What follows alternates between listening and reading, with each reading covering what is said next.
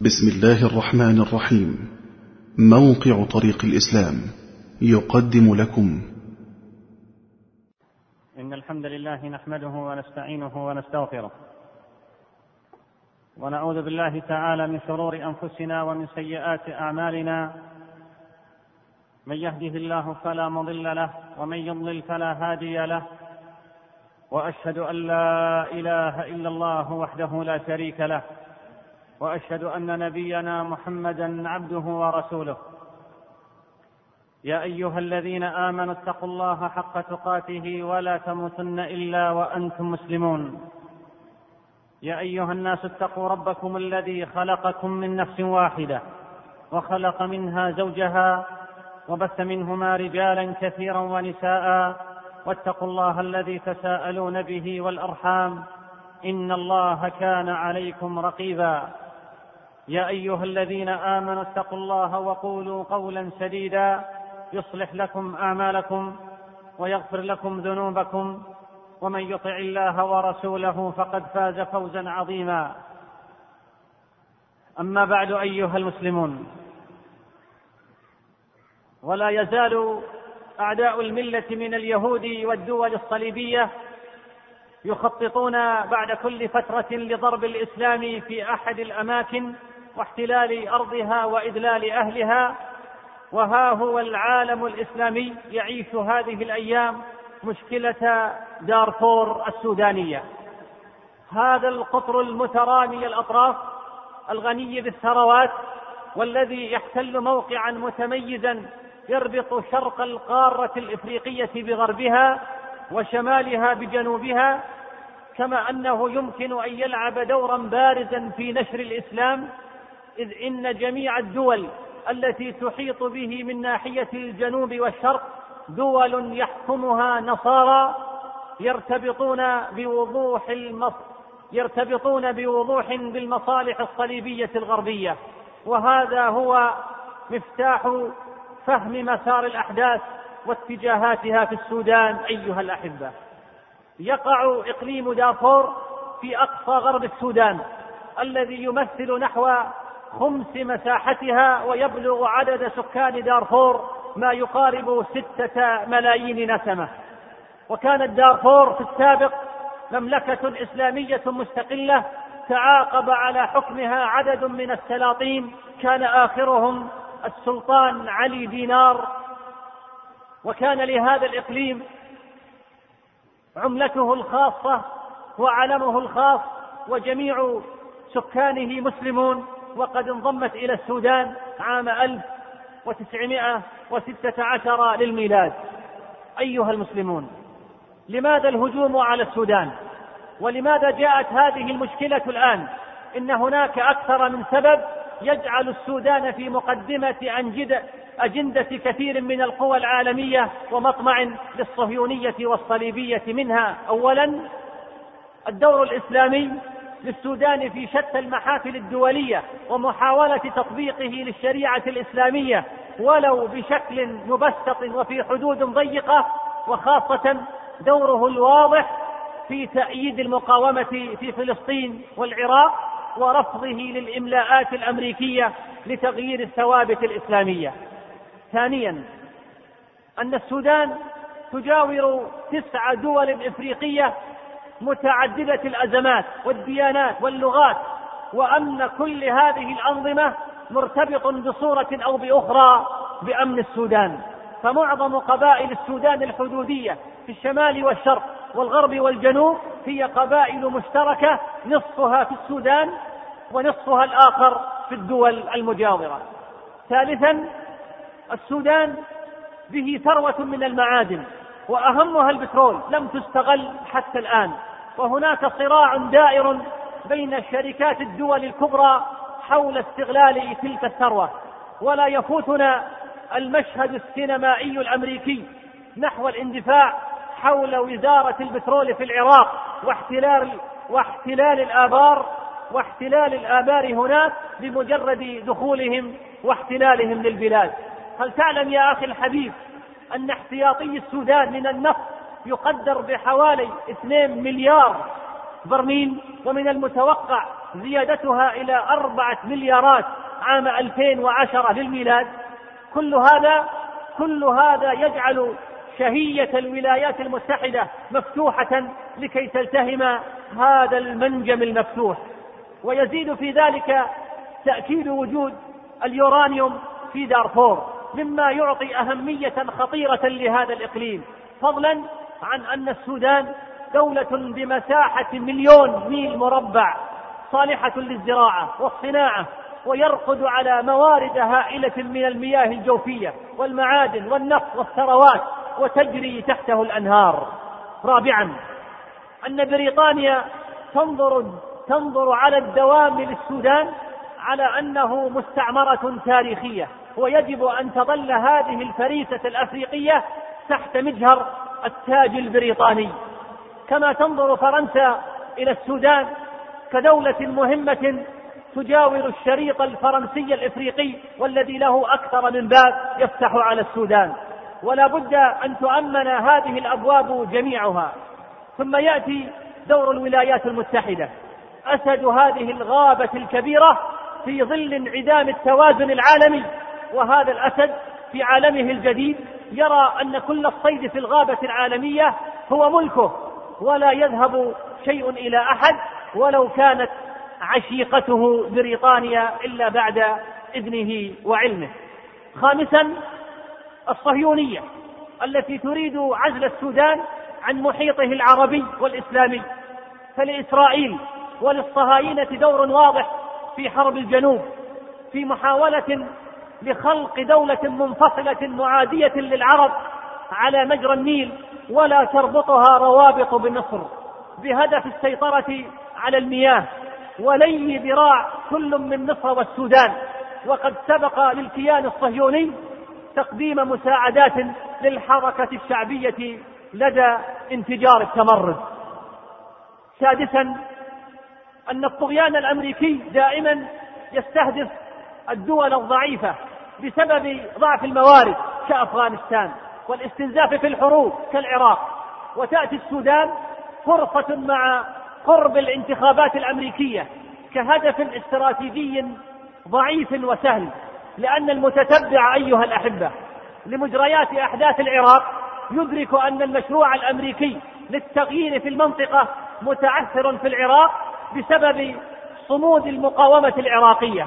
وتسديدها لضربات قاصمه للوجود الأمريكي ومشاريعه للسيطرة على العراق. وبات النظام في وضع قلق على مشروعه الأساسي في جميع هذه المنطقة. ومع اقتراب موعد الانتخابات الأمريكية أصبحت الحكومة في وضع حرج. إما إما التسليم بإخفاق مشروعها للتغيير وهذا يعني هزيمتها أو محاولة ترميم وضعها في العراق بقدر الإمكان وفي نفس الوقت الانتقال خطوة أخرى نحو تطبيق مشروعها للمنطقه والبدء بالحلقة الأضعف وهي السودان. فأوجدت الولايات المتحدة مشكلة دارفور. سابعا موقع السودان الاستراتيجي على البحر الأحمر وجنوب مصر وفي حوض النيل وقلب أفريقيا كل هذا يجعله فاتحا لشهية سعار الذئب الأمريكي ليفترس عظام السودان الطيب المكافح في ظل حالة من السلبية أو الخوف عربيا واسلاميا. لهذا ولغيره أيها الأحبة أوجدت الصليبية المعاصرة هذه المشكلة محاولة تغطيتها بغطاء هيئة الأمم المتحدة. أيها المسلمون وبينما العالم وبينما العالم مشغول بمتابعه أخبار العراق وممارسات الاحتلال الأمريكي والمقاومة وكذلك أخبار ممارسات الاحتلال الإسرائيلي في فلسطين فجأة سلطت الأضواء سلطت الأضواء الأمريكية والبريطانية على دارفور. وكأن المشاعر المرهفة والأخلاق الإنسانية استيقظت فجأة لتبصر مشكلة دارفور. والصراع العرقي المزعوم بين القبائل العربية والقبائل الأفريقية هناك. وتجمعت سحب سوداء في الأجواء منذرة باحتلال دارفور. وكأن الآلة الإعلامية المدعمة بالطغيان الأمريكي تريد أن تسحب التركيز العالمي والعربي كذلك من مصائب الاحتلال في العراق إلى دارفور حيث تعلو نبرة إنسانية مسرحية تمثيلية أمريكية.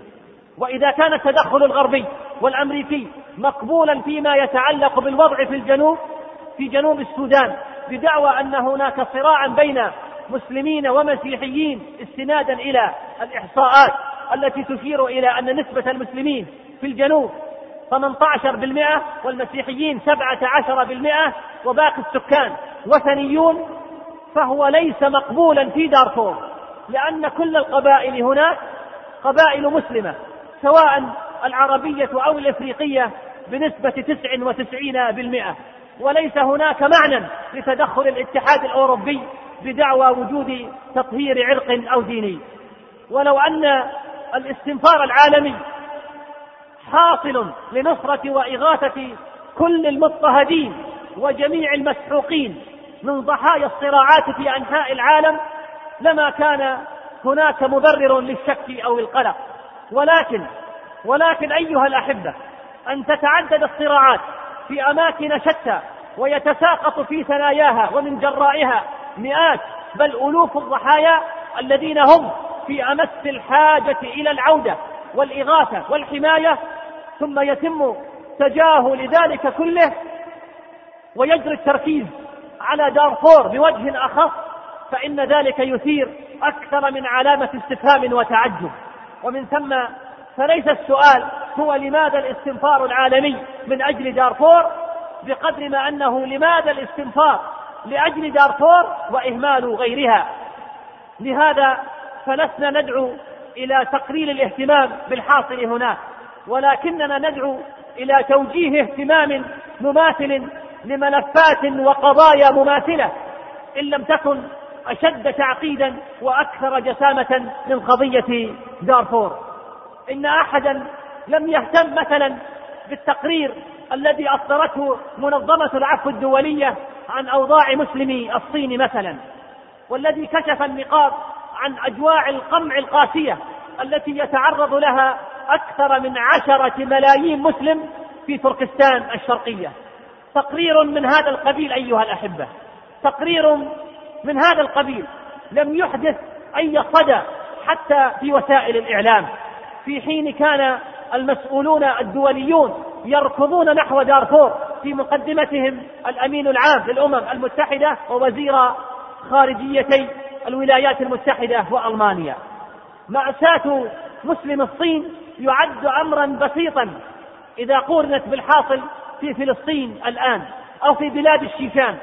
في تلك الأجواء أيضا واصلت إسرائيل افتراسها للفلسطينيين من خلال الاجتياحات والاغتيالات وعمليات التدمير ونهب الأراضي التي شملت قطاع غزة ونابلس وغيرها من مدن الضفة.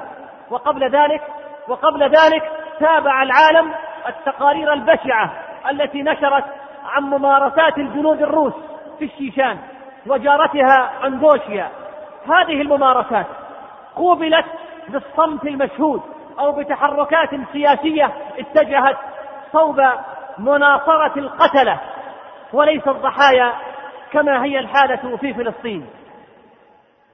الفيضانات الهائلة أيها الأحبة التي اجتاحت بنغلاديش مؤخرا وشردت أكثر من عشرين مليونا من الفقراء والعجزة والنساء والأطفال لماذا لم يلتفت لهم العالم؟ التمييز العنصري والتصفية الدينية التي يمارسها الهندوس تجاه المسلمين المستضعفين في الهند أو في كشمير. ماذا كان تعليق الغرب عليها وفي مقدمتهم الولايات المتحدة؟ قالوا بأنها قضية داخلية لا علاقة للغرب بها. التهجير والإبادة الجماعية التي يتعرض لها شعب أراكان من الحكومة البورمية لماذا لم تقلق الدول الكبرى؟ الانتهاكات الصارخة لحقوق الإنسان في الشيشان وجنوب الفلبين وأوزبكستان وأريتريا. كل ذلك كل ذلك لا علاقة للغرب بها. فهم على حد زعمهم يحترمون سيادة الدول وقضاياها الداخلية. أما دارفور فتتصاعد فيها الأحداث بصورة مذهلة جدا ويتواطأ الغربيون للضغط وإصدار القرارات والتهديد بالمحاصرة بل بالتدخل العسكري فما الذي يجري إذن؟ فما الذي يجري إذن؟ وما هذا التناقض والكيل بمكيالين. لقد استأثرت دارفور بالاهتمام الدولي والإقليمي. الأمر الذي يؤكد الشك في براءة ذلك الاهتمام ويوحي بأن وراء الأكمة ما وراءها وأن في دوافعهم أشياء أخرى غير الاعتبارات الإنسانية. تتعمد واشنطن توصيف أزمة دارفور على أنها حرب إبادة بين العرب والأفارقة. تديرها ميليشيات الجنجويد العربية بدعم من حكومة السودان وتنطوي على التطهير العرقي والتهجير والتعريف وغير ذلك من التهم الباطلة والأكاذيب الواضحة. والإدارة الأمريكية تفعل ذلك بخبث لكي تعقد الأمور ولكي تتاح لها الفرصة في التدخل والاصطياد في الماء العكر إن المشكلة في دارفور والحمد لله بين طرفين مسلمين وليس بينهما طرف مسيحي أو وثني وإلا لكانت الأمور أكثر تعقيدا. والنزاع الحالي هناك أيها الأحبة نزاع طبيعي جدا وهو ليس تطهيرا عرقيا كما تصفه الإدارة الأمريكية. فالأمر لا يعدو نزاعا بين القبائل الرعوية بين القبائل الرحل والقبائل الزراعية المستوطنة هناك والتي قد تحصل في أي بلد وفي أي مكان وفي أي منطقة من مناطق العالم. هذه هي كل المشكلة. لكنه لكنه المخطط الأمريكي الذي يتضمن تخويف أبناء دارفور من الحكومة السودانية من أجل البدء في تنفيذ مخطط لكي تفتت السودان بدءا بإقامة دولة مستقلة تضم القبائل الكبيرة العدد والمنتشرة على جانبي الحدود السودانية والتشادية وتكون عاصمتها دارفور على أن ترتبط مباشرة بالولايات المتحدة فتصبح قاعدة استراتيجية لها في هذا الموقع بغرب السودان مجاورا لليبيا وتشاد ودول شرق إفريقيا التي ترتبط تقليديا بفرنسا هذا هو الهدف بوضوح وباختصار أيها الأحبة. ولاجل ولأجل عدم تكرار أخطاء العراق فقد حرصت الإدارة الأمريكية على استصدار قرار من مجلس الأمن بالتدخل في دارفور منحازا من خلال دعوته حكومة السودان إلى جمع جميع الأسلحة هناك من طائفة الجنجويد فقط. دون ذكر الميليشيات الأخرى ليساعد ذلك على تقسيم البلاد. وهذه المفارقة أيها الأحبة وهذه المفارقة تذكرنا تماما فيما حدث في البوسنة والهرسك في عهد بطرس غالي عندما منع السلاح عن المسلمين فقط وهو شرط لا يقبله عاقل اطلاقا. فأبسط مبادئ العدل نزع السلاح من جميع أطراف الصراع. أيها المسلمون. لقد وضح بجلاء لقد وضح بجلاء السياسة الغربية تجاه جميع الدول الإسلامية وهي سياسة التقسيم. إنهم يريدون أيها الأحبة أن تنقسم معظم الدول ومعظم المناطق ومحاولة إثارة النعرات لأجل أن تقبل عدد من الطوائف وأن تطالب بالتقسيم. وهي استراتيجية أمريكية غربية بعد الحرب الباردة وتريد أن تطبقه على جميع دول العالم الإسلامي والعربي بأسره. فمثلا في دول الخليج والعراق الصراع والتقسيم يحاولون منذ زمن أن يكون على أساس طائفي سنة وشيعة. وفي مصر يكون التقسيم على أساس ديني بين المسلمين والأقباط وفي الجزائر والمغرب على أساس لغوي بين العرب والبربر وفي ماليزيا وأندونيسيا على أساس عرقي وديني بين المسلمين والهندوس والبوذيين وهكذا. هذا مخطط مدروس وقديم لكن هل يتمكنون من تطبيقه وتنفيذه؟ هنا يأتي دور الشعوب المسلمة ودولها وأن تكون على حذر من ذلك وأن تحاول بكل ما تملك أن تفسد هذا المخطط الصليبي اليهودي الماكر. والدور الآن أتى على السودان تلك الدولة العربية المسلمة والتي قد ابتليت بمصائب شتى.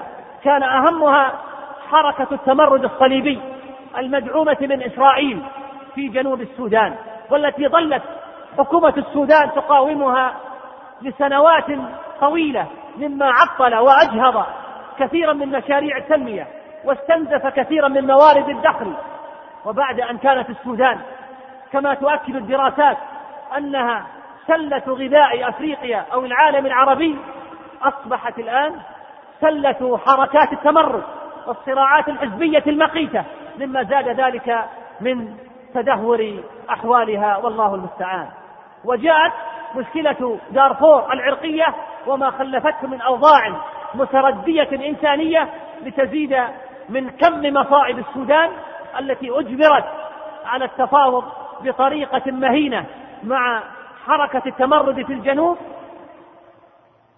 وأن تقبل تلكم الشروط وتلكم الإملاءات التي تؤدي إلى تقسيم السودان وأن تقبل بهذا الأمر الواقع بكل ما فيه من تواجد صليبي أمريكي في الجنوب. وكان السودانيون يؤملون أن تكون اتفاقيات الجنوب نهاية للضغوط التي قادتها الولايات المتحدة.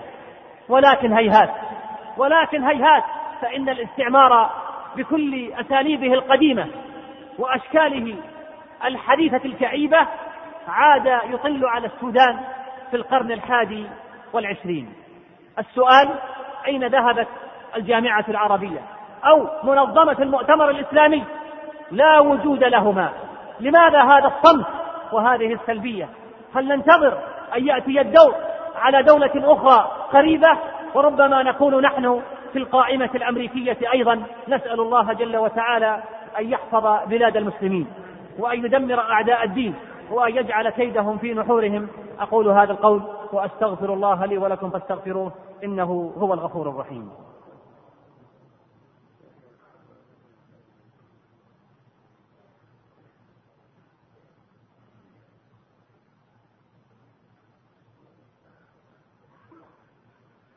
الحمد لله على إحسانه وأشكره على توفيقه وامتنانه وأشهد أن لا إله إلا الله وحده لا شريك له تعظيما لألوهيته وربوبيته وأسمائه وصفاته وأشهد أن نبينا محمدا عبده ورسوله الداعي إلى جنته ورضوانه فصلوات ربي وسلامه عليه وعلى آله وعلى أصحابه وسلم تسليما مزيدا.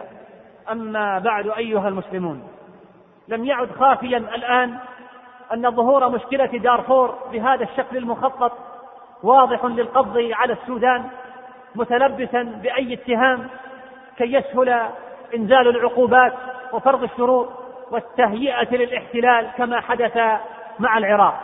والمشهد العراقي يكرر نفسه في السودان حيث مسلسل الضغوط المتلاحقة بات الأكثر استعمالا ضد الحكومة السودانية. الأمر الذي يمهد إما إلى ضم دارفور إلى السودان الجديد في الجنوب وإما الاستقلال المباشر تحت حماية القوات الأمريكية والبريطانية التي ستدخل السودان تحت مسمى تأمين وصول المساعدات الإنسانية التي ستشرف عليها قوات الاتحاد الأفريقي العاملة في دارفور لمراقبة وقف إطلاق النار حسب السيناريو الأنجلو أمريكي أيها المسلمون إن تداعيات الأحداث النازلة وممارسات الإكراه على ديار المسلمين من قبل أعدائهم ليست ليست ولية اليوم. إذ الابتلاء سنة ماضية بل الابتلاء ليس قاصرا في الشر وحده إذ يقول جل وتعالى ونبلوكم بالشر والخير فتنة وإلينا ترجعون.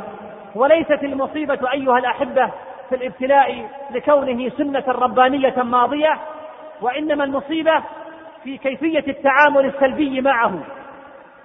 إذ المفترض أن يكون موقف المؤمنين منه واضحا جليا من خلال الإيمان بأنه من عند الله جل وتعالى. ثم الإدراك بأنه وإن كان ظاهره الشر إلا أنه قد ينطوي على خيرات كثيرة. لمن وفقه الله جل وتعالى لاستلهام ذلك.